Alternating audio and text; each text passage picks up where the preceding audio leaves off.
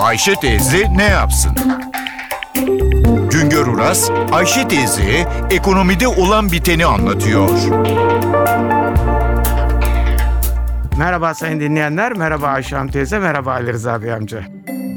Yılın ilk 3 ayında yerlilerin yani bu ülkede yaşayanların Türk lirası finansal varlıkları 821 milyar liradan 819 milyar liraya geriledi.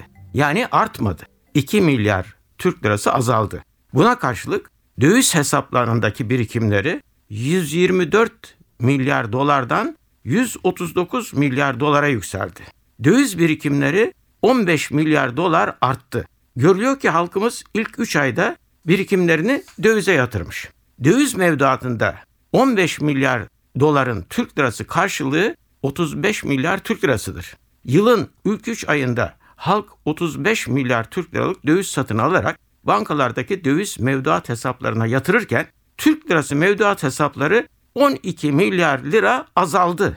Büyük olasılıkla Türk lirası mevduatı olanların bazıları, hepsi değil bazıları, döviz satın alarak döviz hesabına yatırdılar. Ekonomi yönetimi büyümede frene basarken döviz talebini azaltmak arayışındadır. Türk lirası birikimlerin arttırılması için tüketici kredilerine, kredi kartlarına sınırlamalar getirildi. Ne var ki tüketim yavaşlarken Türk lirası birikimlerdeki artış da durdu. Halk birikimlerini dövize yatırmaya başladı. Faiz tek başına Türk lirası birikimlerini arttırmaz. Faiz Türk lirası birikimlerinin enflasyona yenilmesine neden olur ise halk birikim yapmak istemez. Birikim yapınca da Türk lirası yerine dövize yönelir. Halbuki bizim şu günlerde dövize ihtiyacımız var. Ekonominin çarklarını döndürmek için Türk lirası birikime ihtiyacımız var. Görülüyor ki faizin ne olması gerektiği tartışılırken sadece kredi faizini düşünmek yetmiyor. Faiz halkın tasarruflarının miktarını da belirliyor ve de tasarrufların dövize mi yoksa Türk lirasına mı yöneleceğini belirliyor.